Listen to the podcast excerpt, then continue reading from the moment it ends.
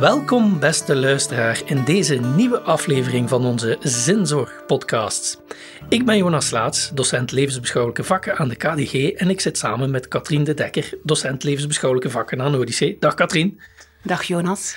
Katrien, eh, je zit hier deze keer niet alleen.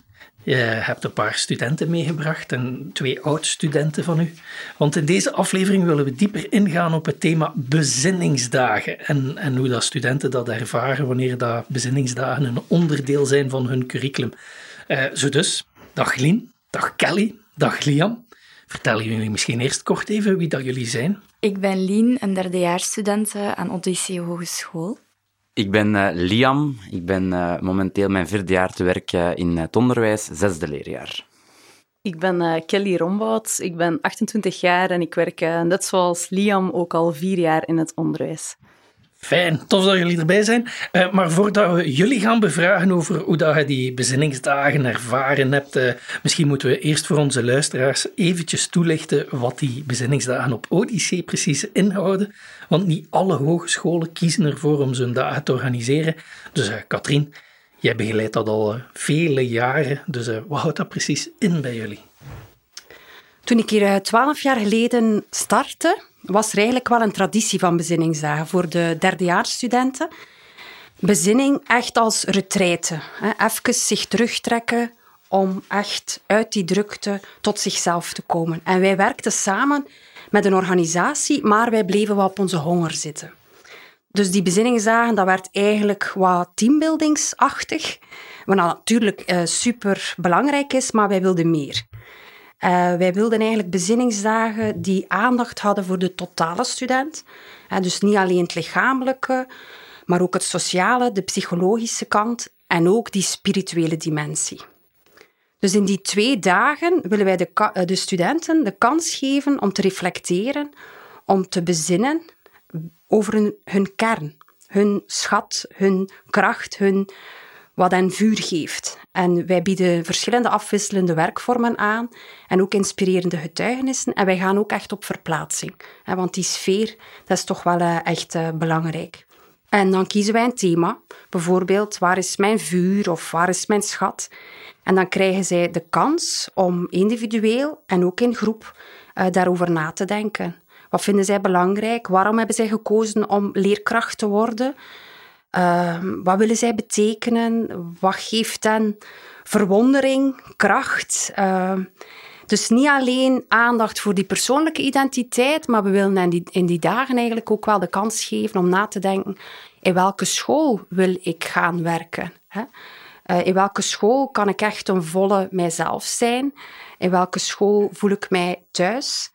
Ehm, dus dat zijn ook zaken die echt wel eh, aan bod komen. En ja, we gaan een stukje in ontmoeting. Dus de studenten worden in kleine groepjes ingedeeld, krijgen een persoonlijke begeleider, die dan eigenlijk in die twee dagen met hen uh, op weg gaat. En meestal is dat in de adventsperiode, vlak voor uh, de kerstvakantie. Dus even die pauzeknop induwen om echt weer ten volle tot de kern te komen. Dat is mij allemaal duidelijk, maar als we dan nu een keer uh, heel concreet proberen maken. Wat is voor u de meest interessante methodiek dat je zo van dat soort dagen al hebt gebruikt? Eigenlijk gaat het niet zozeer over methodieken. Ik denk dat het vooral het totaalpakket is. Dat het echt wel gaat over ontmoeten. Niet moeten, want zij moeten ongelooflijk veel. En kijk nu een keer even naar de student. Het is een zwaar programma. Die hebben dan keihard gewerkt. Uh, het eerste semester zit er bijna op. Ja, en het is even op zoek gaan naar adem. Dus het gaat niet over methodieken, denk ik. Uiteraard is dat ook wel belangrijk. Maar echt die kans krijgen om even stil te vallen. Om even terug tot een kern te komen. En um, in kleine groep, ik denk dat dat ook wel belangrijk is, dat er een sfeer is van veiligheid, van warmte. Dus ik ga echt op zoek naar vrijwilligers, naar mensen die die bezinningsdagen een stukje mee begeleiden. Dus dat kunnen collega's zijn vanuit secundair onderwijs of een parochieassistente die ook al een aantal jaar meegaat. En er gaan ook altijd collega's mee uh, die present zijn als er iets is, dat de studenten daarbij terecht kunnen. Dus het is niet zozeer methodieken, denk ik. Ontmoeting. Niet alleen met mij of met uh, andere begeleiders, maar ook met elkaar, met zichzelf En natuurlijk ook met inspirerende mensen. We, eh, we hebben ooit al eh, een keer een aantal jongeren van IED uitgenodigd die in gesprek gingen met ons studenten. En elk jaar ga ik ook op zoek naar een, eh, een super inspirerende persoon. En dan kijk ik naar mijn twee oud-studenten en denk ik terug aan een van de schoonste dagen van mijn leven. eh, als eh, zuster Janne de Vos op bezoek kwam en in gesprek ging met de studenten. Voilà. Een van de schoonste dagen van haar leven. Was dat voor u ook, eh, Kelly? Ja, ik moet zeggen, ehm, de bezinning, dat is mij toch iets eh, wat iets bijgebleven is. En ehm, het is nu wel al een tijdje geleden, maar ik denk en ik spreek er wel eigenlijk nog heel veel over, over die bezinningsdagen.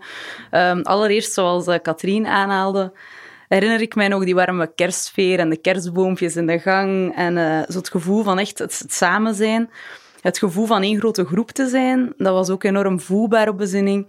Eh, samen eten in een grote zaal, samen een wandeling waarbij de plassen op de, op de paden lagen, waarbij je elkaar moest gaan helpen om eh, er toch over te geraken met hier en daar al eens een voet in het water.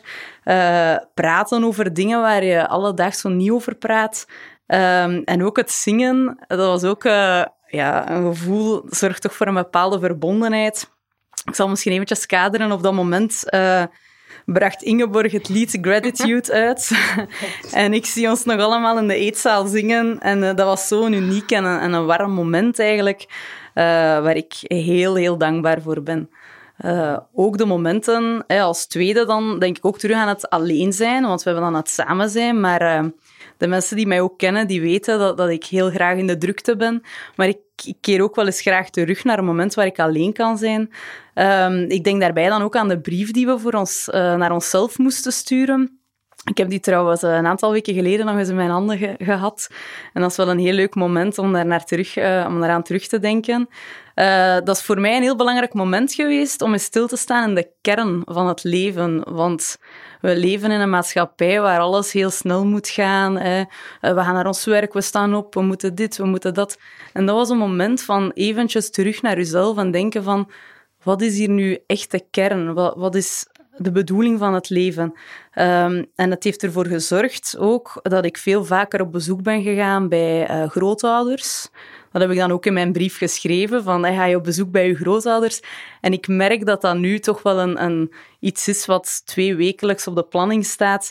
Dus ik denk uh, echt nog heel vaak terug aan de woorden die ik neergeschreven heb.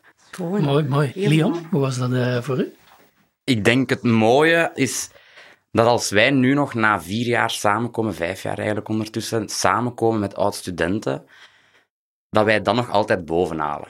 Dus ik denk ook wel, wij zijn nu zelf leerkracht, wij staan zelf in het onderwijs.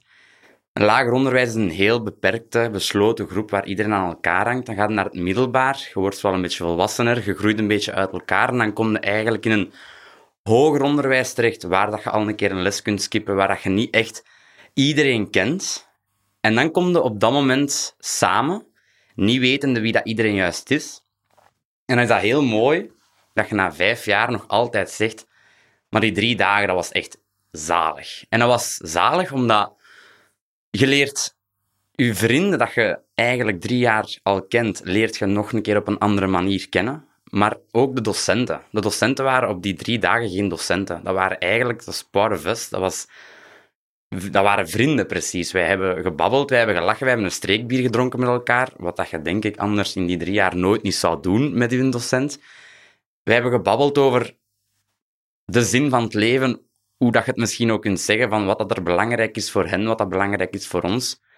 En dat is wel iets dat, ja, dat bijblijft. En dan ook als we dan in die grote zaal zaten, zuster Jan, dat dan binnenkwam, dat eigenlijk, ja oké, die had een Nobelprijs gekregen voor vrede, dacht ik, maar eigenlijk in C ja, kenden wij haar niet. En dat hij dan zo open stond om te zeggen, ja, wij gaan babbelen eigenlijk met elkaar. Dat was ook geen interview, dat was echt gewoon een conversatie, een dialoog. En dat was heel mooi. En dan ja, merk ik ook nog heel vaak dat als we dan spreken over het onderwijs, dat eigenlijk ja, dat onderwerp wel, denk ik, het vaakst terugkomt. Ik denk echt wel oprecht dat dat echt een meerwaarde is voor de opleiding lager onderwijs. Dat is, ja.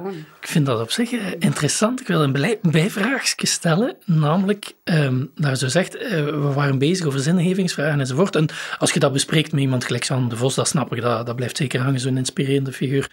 Maar tegelijkertijd, je bent studenten ook. Ik zou denken dat als je aan het uitgaan bent of gewoon op je kot zit met je vrienden, dat je ook over de zin van het leven bezig bent. Dus is er iets aan die bezinningsdagen die dat dan gestructureerder aanpakken of zo, waardoor dat, dat dan nog een extra effect heeft? Ik spreek voor mezelf. Ja. Wanneer ik ga filosoferen met mijn vrienden over de zin van het leven, is dat meestal als wij iets gedronken hebben en dat wij dan aan het water zitten, in Gent destijds, of ja, in Brussel, aan het water zitten en dan zo, en zeg jij gelukkig? Of, en, hoe voelde jij je eigenlijk? Maar dan is dat in een andere sfeer. Tegenover nu is dat heel down to earth en recht op de man af. Ja, maar hoe voelde jij je eigenlijk? Zei je eigenlijk wel gelukkig? En dan hoefde op dat moment geen een drang te hebben, zal ik maar zeggen, om het losser te laten verlopen, maar dan babbel je eigenlijk gewoon puur uit dat gevoel dat je dan hebt. En ook, dat was niet dat die vraag werd gesteld waar dat iedereen bij zat. Ik weet nog dat wij toen echt gefilosofeerd hebben over onderwerpen waar dat wij zelf al moesten wij een drankje hebben gehad en wij zaten in Gent aan het water. Dat zijn ook onderwerpen dat ook niet besproken worden en waar dat ook heel veel input van terechtkomt. Dus ik denk dat het minder gestructureerd verliep, maar wel veel rechter uit het hart kwam, denk ik. En er worden ook wel impulsen aangereikt om die gesprekken mogelijk te maken. Ehm, ja, in de stilte bijvoorbeeld nadenken over een aantal vragen die, die ze krijgen. Er zit zelfs een bijbelmeditatie in. We hebben dat gedurfd en dat is eigenlijk wel ook goed verlopen. Ehm, er wordt ruimte en tijd gecreëerd om het gesprek aan te gaan. Want ik denk, moesten die bezinningsdagen doorgegaan zijn op de campus, dan was dat niet hetzelfde geweest. We zaten in de oude abdij in Drongen, dus de locatie alleen al nodigt uit om te reflecteren en om in gesprek te gaan. Heel eerlijk, als ze tegen mij zeiden van ehm, in het derde jaar ga je op bezinning twee dagen, dan, eh, dan was dat voor mij wel zoiets van oeh, eh, ze gaan mij daar in een abdij steken, ik ga daar alles moeten afgeven, ik ga daar moeten leven. In, eh, want dat is wel het eerste waar je aan denkt als ze het woord bezinning uitspreken. Maar uiteindelijk heb- hebben wij daar, zoals Liam zegt, echt de tijd van ons leven gehad en is daar ook een keer echt op de pauzeknop geduwd. Zoals dat je zei, na een heel drukke periode. En dat was ook wel eens nodig. En wij hebben daar echt geleefd zonder prikkels van buitenaf. Wat dat ook leuk is, het is echt onze groep geweest en wij allemaal samen, studenten, wij hebben dat daar meegemaakt. En iedereen dat daar buiten zit, die kan daar niet over meespreken. Die weet dan niet wat wij daar hebben meegemaakt. En dat maakt het eigenlijk juist zo mooi, vind ik. Lien, jij bent eh derdejaars. Heb jij de bezinningsdagen al achter de rug? Komen ze nog? Eh, hoe zit het? Eh, fysiek in Drongen niet. Eh, er was een alternatief. Maar die verhalen, ja, ze, ze zijn aanstekelijk. Hè. En, en heb je zelf nooit in, in het middelbaar of zo bezinningsdagen gehad? Want ik heb dat nog eh, gegeven, zo eh, begeleid. Maar, en dat was een beetje hetzelfde verhaal. Iedereen zoveel schrik als dat komt, maar een keer dat ze daar dan zijn, eh, fantastisch vinden. hè. Nee, we hebben in- wel eh, in het eerste jaar hier een opleiding Dworp eh, gedaan. Eh, dat was dan niet uit bezinning, maar dat was verbondenheid ook eh, onder de studenten. Dat was ook wel een, een mooi moment, maar dat is niet te vergelijken met, met de bezinningsdagen. Het zijn die levensvragen die een beetje ontbreken dan daar. Die spirituele dimensie. Hè. Maar dus, Lien, jammer genoeg, corona, die eh roet in het eten. Ja. hè, heeft gegooid. Ehm, vorig jaar, jammer genoeg, hebben we niets eh, live kunnen aanbieden. Maar dan heb ik een online bezinnend programma gemaakt. Waar dat er eigenlijk activiteiten werden aangeboden eh, rond verbondenheid. Verbondenheid met zichzelf, verbondenheid met anderen, verbondenheid met de natuur, de cultuur en dan ook het transcendente. En dit jaar hebben we dat terug eh, aangeboden, maar hebben we toch eh, kunnen eh, bewerkstelligen dat we één ontmoeting hadden per klas. Hè, want we mochten dan ook de klasbubbels niet eh, eh, eh, gaan vermengen. Dus één eh, ontmoeting per klas, waar dat we hier in Aalstaan, in het huis Emmaus, in de kapel zijn samengekomen. En dat we daar toch een, een, een ontmoeting hadden, een verbinding en eh, een workshop hebben aangeboden. En dat was ook wel heel erg fijn, hè? Ja, dat, eh, dat was een heel fijn moment. We hadden elkaar al ja, weken, maanden eigenlijk niet gezien. Eh, sommigen anders ja, hoor je wel nog tussendoor, maar veel eigenlijk niet.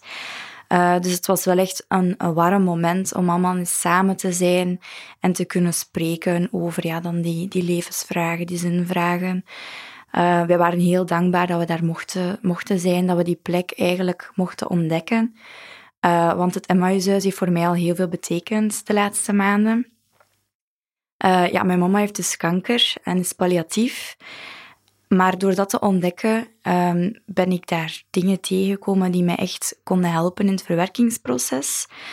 Uh, ja, krachtsteentjes bijvoorbeeld, ik aan mijn mama had meegenomen. Op die dag zelf heb ik daar een steentje uitgezocht voor mijn mama. Een schatkist waar al haar kaartjes in konden. Uh, boeken, teksten, alles kon ik daar vinden. Um, en ik ben ook al een paar keer geweest om in gesprek te gaan met de vrijwilligers daar. Zij hebben mijzelf geholpen om een uh, urne uh, te laten maken bij de keramiste, uh, die dat daar ja, ook vrijwillig is. Illy van Holsbeke. zij heeft voor, ja, voor mij dan, allez, voor mijn mama, een, een urne gemaakt in de vorm van een tulp. dus ik ben echt wel dankbaar dat ik dat, ja, die plek eigenlijk in een bruisende stad heb mogen, allez, mogen ontdekken. Um, ja, dat is voor mij toch wel het lichtpuntje van het jaar. Echt wel ja, de pauzeknop indrukken. Ik heb ook daardoor de kracht gehad om nu ook op pauze te drukken en om de tijd met mijn mama door te brengen. Want de studie, dat is echt mijn passie. Ik doe dat zo graag. En ik wou dat gewoon verder doen. En ik heb het geprobeerd. Ik heb uh, voor de paasvakantie nog een week stage gedaan, terwijl ik al wist dat mama palliatief was. Maar ik voelde dat dat echt niet ging. En ja, het Emmaushuis en ja, de verbondenheid ook met mijn klasgenoten uh, heeft ervoor gezorgd dat ik toch die keuze heb kunnen maken om even de pauzeknop in te drukken. En ik vind dat ook mooi, want onze vriendschap onderling met de klasgenoten is nog nooit zo sterk geweest. En iedereen begrijpt dat. Iedereen.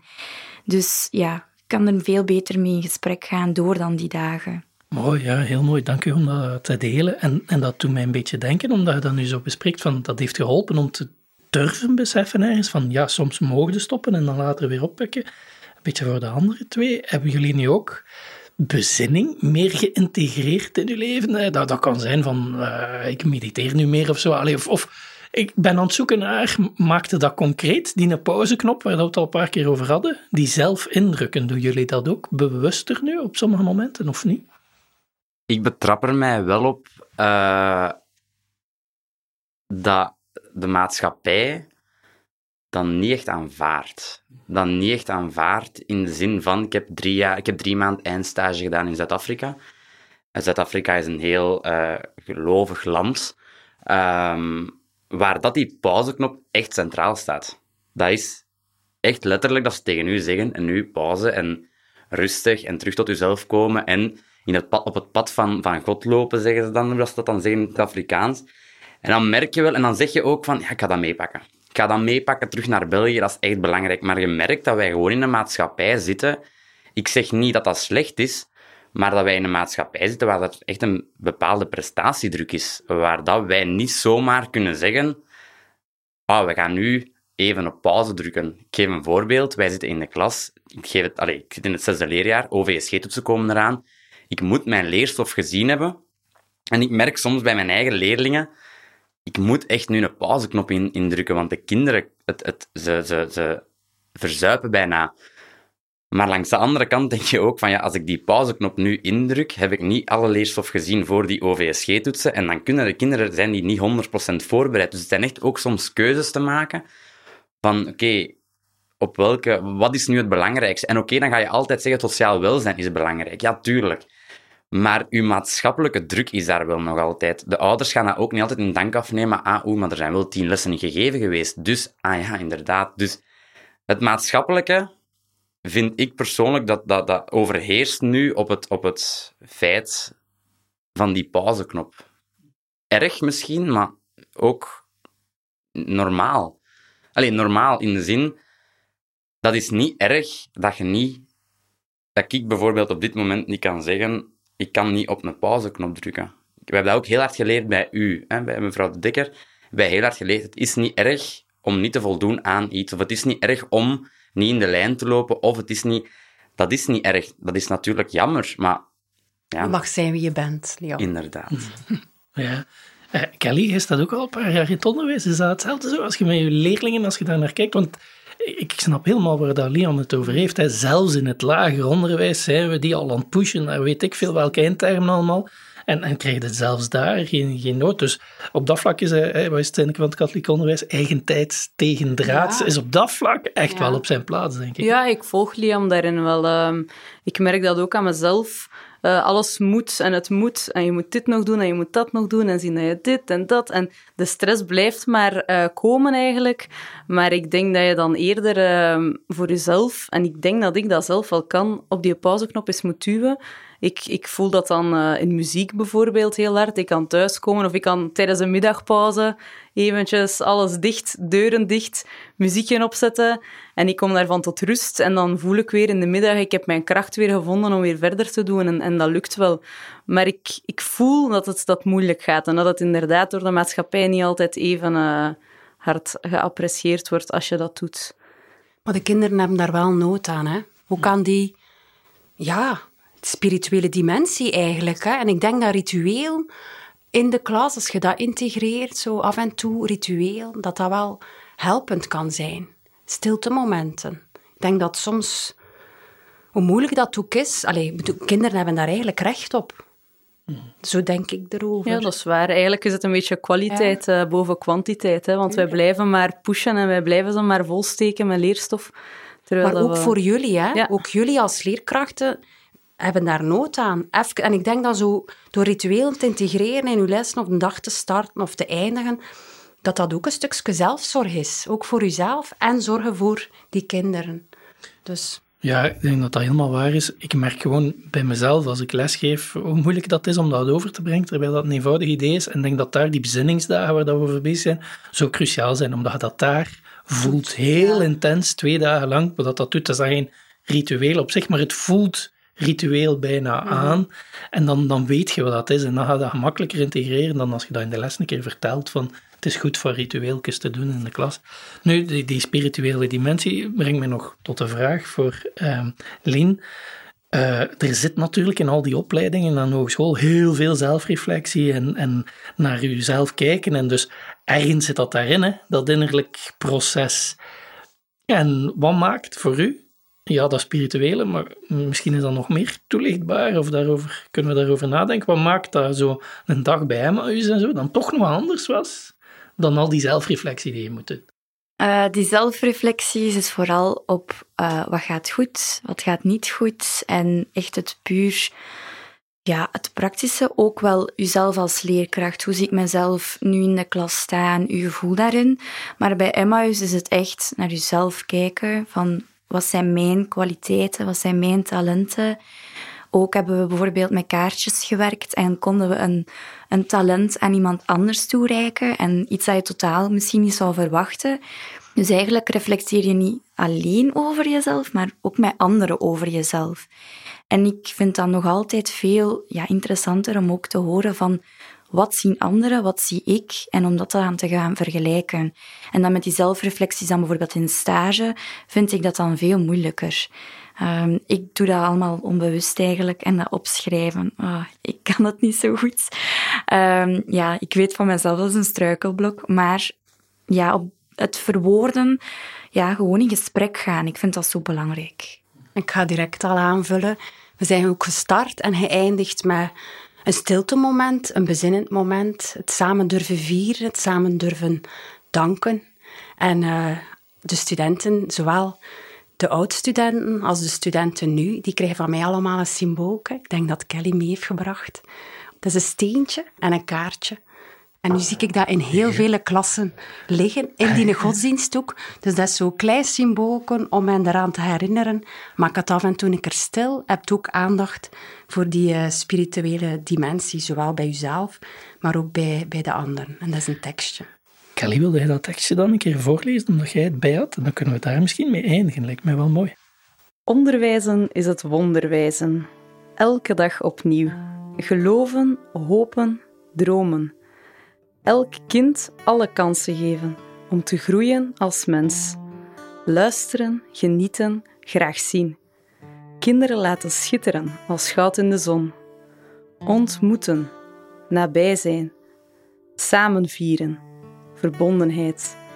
Kinderen laten voelen dat ze er mogen zijn. Dat ze o zo wonderlijk uniek zijn. Het is een tekstje dat ik geschreven heb. Ik heb mij laten inspireren door de opdrachten van het katholiek basisonderwijs. Mooi. Kelly, Liam, Lien, heel erg bedankt om erbij te zijn. Dat was voor mij een zeer boeiend gesprek.